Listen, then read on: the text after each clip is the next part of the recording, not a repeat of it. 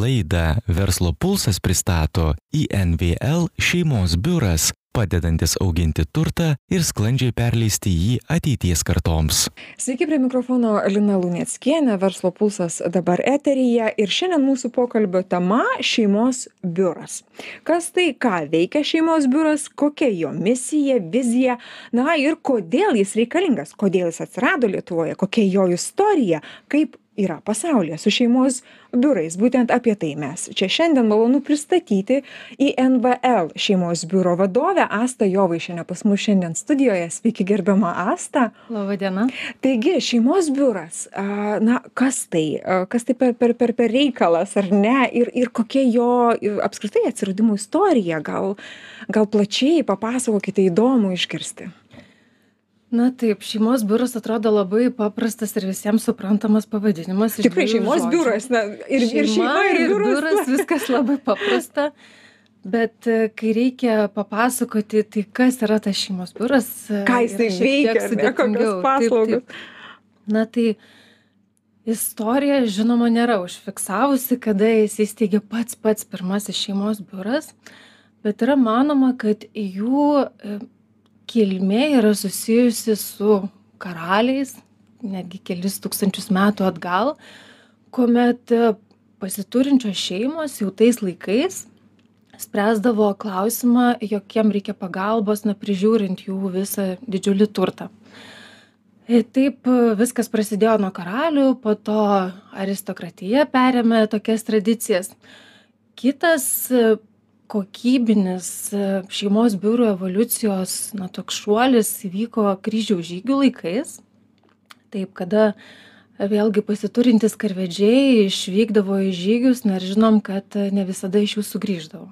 Tai prieš išvykdami jie suinventorizuodavo visą savo turtą padarydavo tokį didelį aprašą ir palikdavo vietininką kas tą turtą prižiūrėdavo.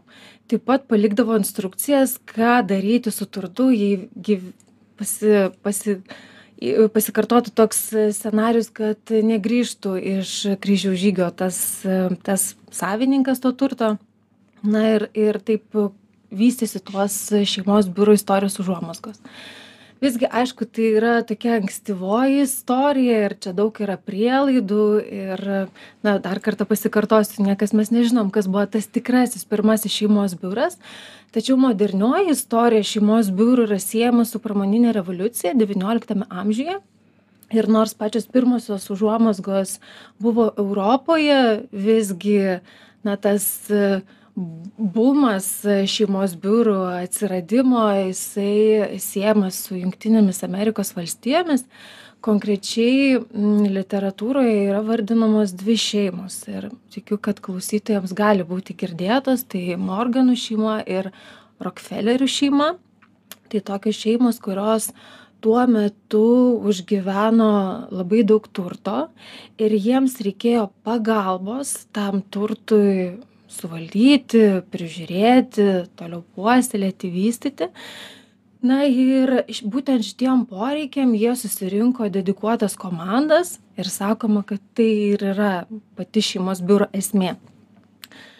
Tai iš pradžių šeimos biurai jie buvo vienašeimiai pag pagrinde dedikuoti vienai šeimai tačiau su laiku šeimos biurai patapo daugiašeimiai na šiais laikais yra ir tokių ir tokių. Daugiašeimiai reiškia kad viena komanda dirba su keliomis šeimomis. Tai va tai taip mes ateinam iki šių laikų.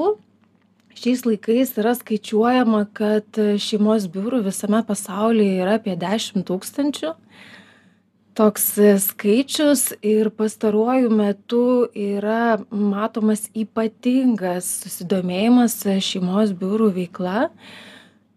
Tą sąlygojo kelios priežastys. Na pirmoji priežastis kad mes gyvenam skaitmeninėj eroj ir ši era pagimdė daug naujų milijonierių milijardierių kurie ieško e, na labai sofistikuotų paslaugų. E, taip pat e, mes turim e, tokį geografinį regioną kaip Azija, kur irgi sparčiai vystantis šitam regionui vėlgi atsirado labai daug kapitalo, kuriam reikia vėlgi ypatingos priežiūros. Taip pat pastaruoju metu matomas ir prognozuojamas labai reikšmingas kapitalo persiskirstymas iš vyresnės kartos jaunesnei kartai ir vėlgi kada vyksta šitas pasikeitimas pageidautina kad e, jisai vyktų su šeimos biurų na pagalba. Tai pasaulis turtingėja taip išeina ar ne? Taip. ir ir atsiranda poreikis e, tokių paslaugų. Kaip lietuvoje kada lietuvoje atsirado pirmasis šeimos biuras? Na lietuvoje istorija deja nėra tokia ilgaamžė kaip vakarų pasaulyje ir taip aišku yra todėl kad na mes turėjom tragiškų istorinių aplinkybių a, kuomet na pas mus nebuvo jokio pagrindo nei kurtis e, šeimoms su dideliu kapitalu nei automatiškai atsirasti šeimos biurams. Tai e, šeimos biurai atsirado lietuvoje pirmieji prieš porą dešimtmečių. Visgi e, na šeimos biurų toks paspartėjęs vystymasis įvyko per pastarąjį dešimtmetį. Nes lietuvai atkūrus nepriklausomybę pirmiausia žmonės susikoncentravo į pinigų uždirbimą. Natūralu vėlgi pačioje aušroje nebuvo jokio poreikio patiems šeimos biurams bet per kažkiek tai laiko uždirbus reikšmingą kapitalą ir be abejo pasiekus ir tam tikrą amžiaus lygį kuomet jau norisi mažiau aktyvios veiklos norisi daugiau tokio gyvenimo įprasminimo norisi laiko sau tikriausiai ar ne sau, taip atsiranda ir artimiesiems norisi padėti įsitvirtinti jaunimui.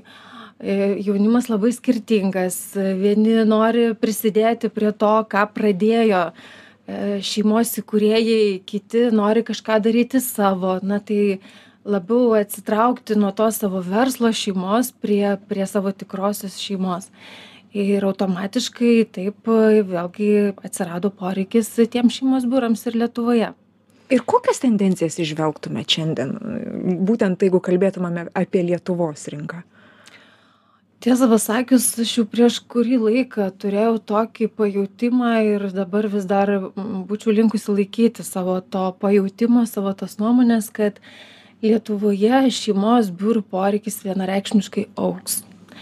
Ir mm, kodėl? Gal vertėtų papasakoti šiek tiek plačiau tai kas yra tie šeimos biurai kokias ką jie paslaugas daro ar jo, ne? kokias- būtent konkrečiai kokias paslaugas jie teikia. Taip taip. Tai e, mūsų srityje yra toks e, posakis kad jeigu matei vieną šeimos biurą reiškia matei vieną šeimos biurą. Tai reiškia kad kiekvienas šeimos biuras yra labai skirtingas nuo bet kurio kito ir priežastis ganėtinai paprasta nes šeimos biurai dirba su šeimomis o kiekviena šeima yra visiškai unikali turinti savo išskirtinių poreikių o šeimos biuro darbas yra na prisiderinti prie šeimos poreikių. Visgi yra tam tikras bendras vardiklis daugumos šeimos biurų kad šeimos biurai dirba pirmiausia su visu šeimos turtu. Ir šeimos biurų darbas yra padėti šeimai tą turtą prižiūrėti tą turtą puoselėti vystyti ir valdyti ir kai mes kalbam apie turtą dažniausiai žmonėms į galvą ateina be abejo materialus turtas. Bet šeimos biure labai aiški kategorija kad turtas jisai susideda iš žmogiško kapitalo tai yra vat koks yra šeimos narių skaičius iš intelektinio kapitalo tai yra žinios gebėjimai ir be abejo iš to materialaus turto tai šeimos biurų darbas šeimos biuro komandos darbas yra dirbti su visu šituo turtu e, Taip pat šeimos biurai labai dažnai šeimoms padeda e, pasirengti įpėdinystės planą, paveldimo planavimo planą ar, ar turto perdavimo planą. E, Čia Lietuvoje gal nėra įsitvirtinusių terminų šitam procesui apibūdinti vakaruose be abejo kad yra bet tai yra toks procesas kuomet jau kaip ir šiek tiek pasakojau kad kai šeimos įkūrėjai pasiekia tam tikrą amžių na jie pradeda galvoti o kas toliau? Negi aš iki paskutinės dienos dirbsiu darbe kaip kaip mano vaikai žinos ką aš čia esu pasiekęs kaip jie įsitrauks į tai ką aš esu pasiekęs arba kaip aš užtikrinsiu kad tai ką aš sukūriau turėtų tęstinumą per kartas į priekį e, tai čia yra toks procesas kurio pradžioje e, šeimos pasirengia šeimos konstituciją Taip, skamba. Skamba išskirtinai. Taip, išdidžiai, netgi sakyčiau, šeimos taip, konstitucija. Aha. Taip, šeimos konstitucija.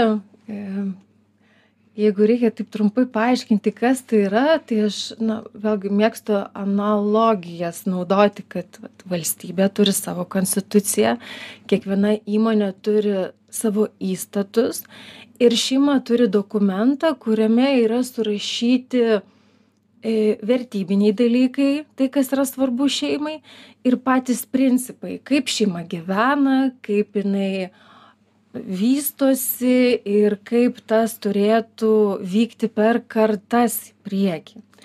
Tai šeimos biurai padeda šeimoms pasirengti šeimos konstituciją ir po to be abejo įgyvendinti šeimos konstituciją. Populiarus šitas žingsnis tarp mūsų šeimų Lietuvoje. Dažna šeima, bet, kuri tu, turi to, tokį poreikį, ar ne, šeimos biuro tas konstitucijas įsisteigti. Tai čia galiu tik tai panaudoti vėlgi savo mėgstamas analogijas. E, šiaip patys šeimos biurai kaip tokie visam pasauliu yra labai įdomus reiškinys ir jau galybę metų vakaruose yra atliekami įvairiausi kasmetiniai tyrimai, tai tikrai galima ir tendencijas stebėti ir, ir tam tikras išvadas pasidaryti, pasižiūrėti, kaip, kaip keičiasi tie šeimos biurai. Ir tikrai kiekviename tyrime yra paliečiamas ir šitas įpėdinystės planavimo klausimas.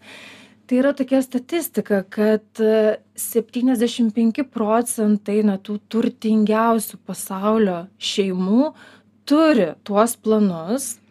Jie tiesa pas vienus yra užrašyti, pas kitus bent jau aptarti bet vienokia ar kitokia forma šeimos yra šituos dalykus apsikalbėjusios tarpusavy na ir susitarusios kaip gyvens ateityje.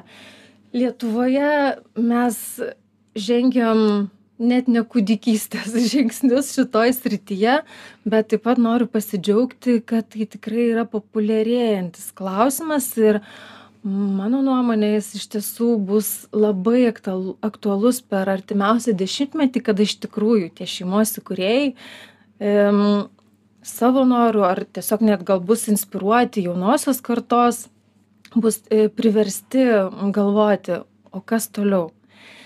Tai va, grįžtu prie šeimos mhm. biuro paslaugų. Tai, na, pirmiausia, turto, e, turto valdymas, po to e, įpėdinystės planavimas.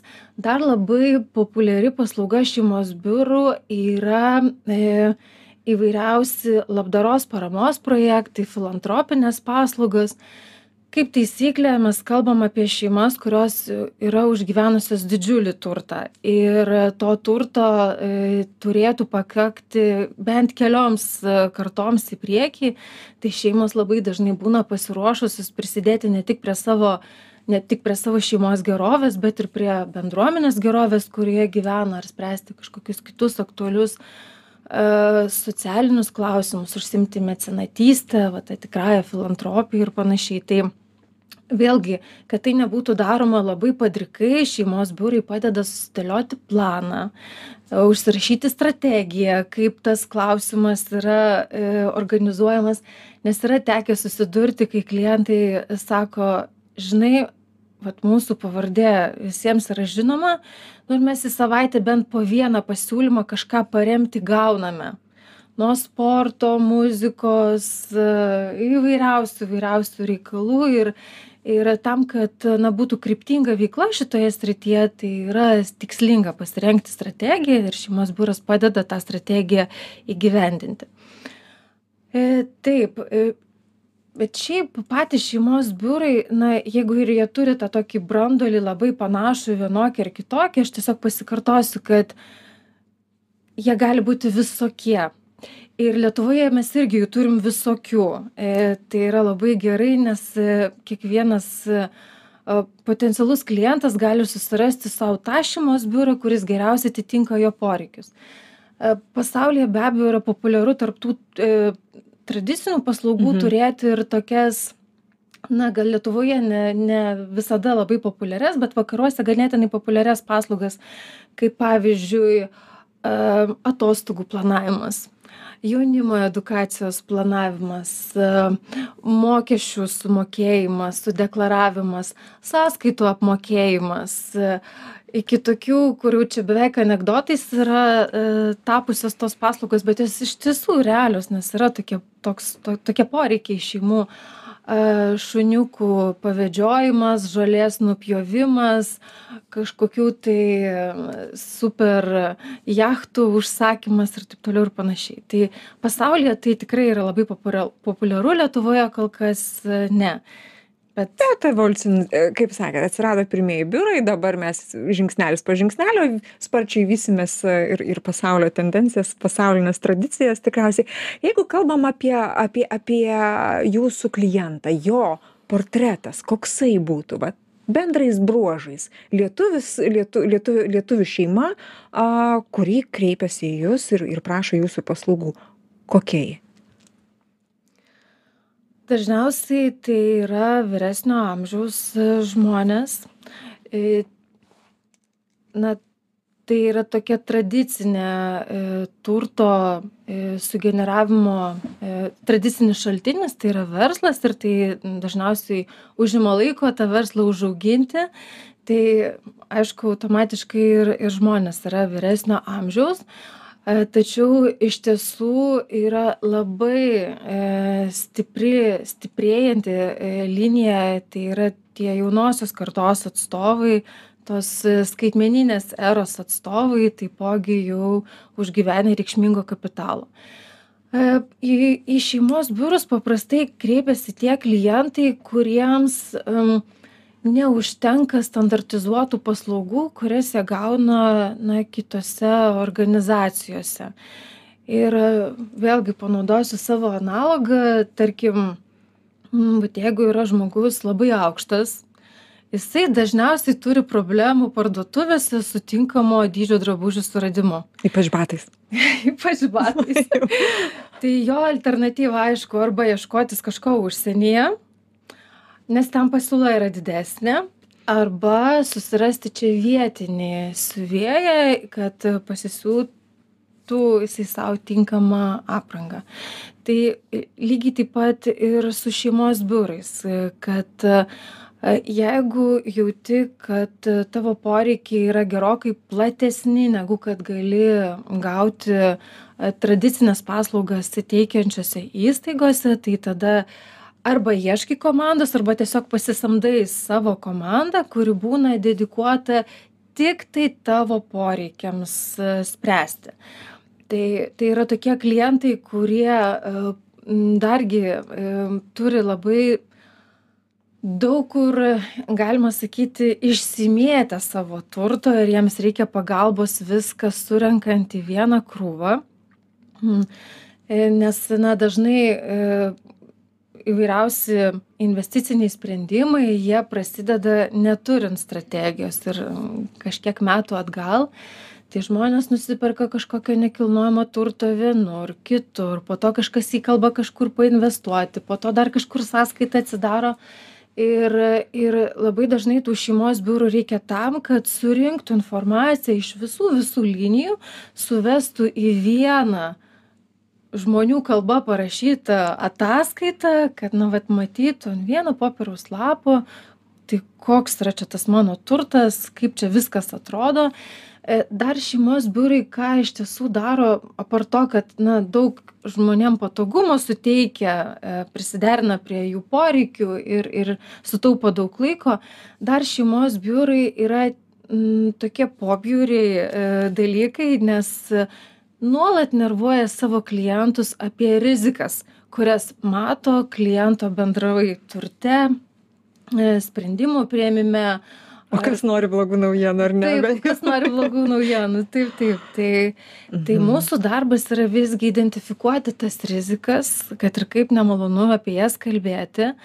Ir pasirengti taip pat planą, kaip tos rizikos yra valdomos, be abejo, pagal jų kritiškumą, pagal, pagal įsigyvendinimo tikimybę tai tai padeda šeimom e, iš tiesų e, tą turtą turėti kaip įmanoma subalansuotą ir su didesne tikimybe, kad jisai tikrai turi galimybę tęstis per kartas į priekį, nes to, tų rizikų e, na, įsigyvendinimas yra ganėtinai nedidelis. Asta, aš noriu pas pabaigą jau, jau mūsų, mūsų pokalbio, a, kad visas paslaugas ką jūs įvardinote ar ne suteiktų kokybiškai reikia labai stiprios ir labai kompetentingos komandos. Šeimos biuro vat jūsų jūsų koma kaip kaip jūs buriate komandą? K kaip atsirenkat kad na vat šitas žmogus taip nes na vis dėlto pinigai yra vienas jautriausių dalykų žmogaus gyvenime. tai čia kokie čia iššūkiai? E, gali pasirodyti. Labai trumpai, jeigu gali. Taip, gali pasirodyti iš mano pasakojimo, kad na, šeimos biurai daro viską. Ir iš tiesų jie dengia labai labai daug sričių, dirbdami su klientais, bet reikia suprasti, kad pati komanda netgi yra paskaičiuota, kad yra iki 10 narių e, komandoje labai skirtingų kompetencijų, aišku, aukščiausio lygio profesionalai, bet labai dažnai e, tam tikriem klausimams spręsti yra samdomi papildomi ekspertai ar teisininkai ar mokesčių planuotojai ar psichologai ar dar kažkas. Tai tai na tas branduolys yra gerokai mažesnis tiesiog šeimos biuro darbas yra po to rinkoje. Jeigu turim unikalų poreikį surasti kas geriausiai galėtų tą poreikį išspręsti. Ir jūs tampat kaip moderatoriais mes tampam taip kaip centriukas. Tai šią puikią nuotaiką ir noriu pabaigti mūsų pokalbį. Žinių radijo klausytojams primint kad šiandien laidoje verslo pulsas svečiavosi invel šeimos biuro vadovė asta jovaišienė. Ją kalbinau aš lina luneckienė. O jūs ir toliau likite su žinių radiju. Gražių jums dienų. Ačiū. Iki. Laidą verslo pulsas pristato invl šeimos biuras padedantis auginti turtą ir sklandžiai perleisti jį ateities kartoms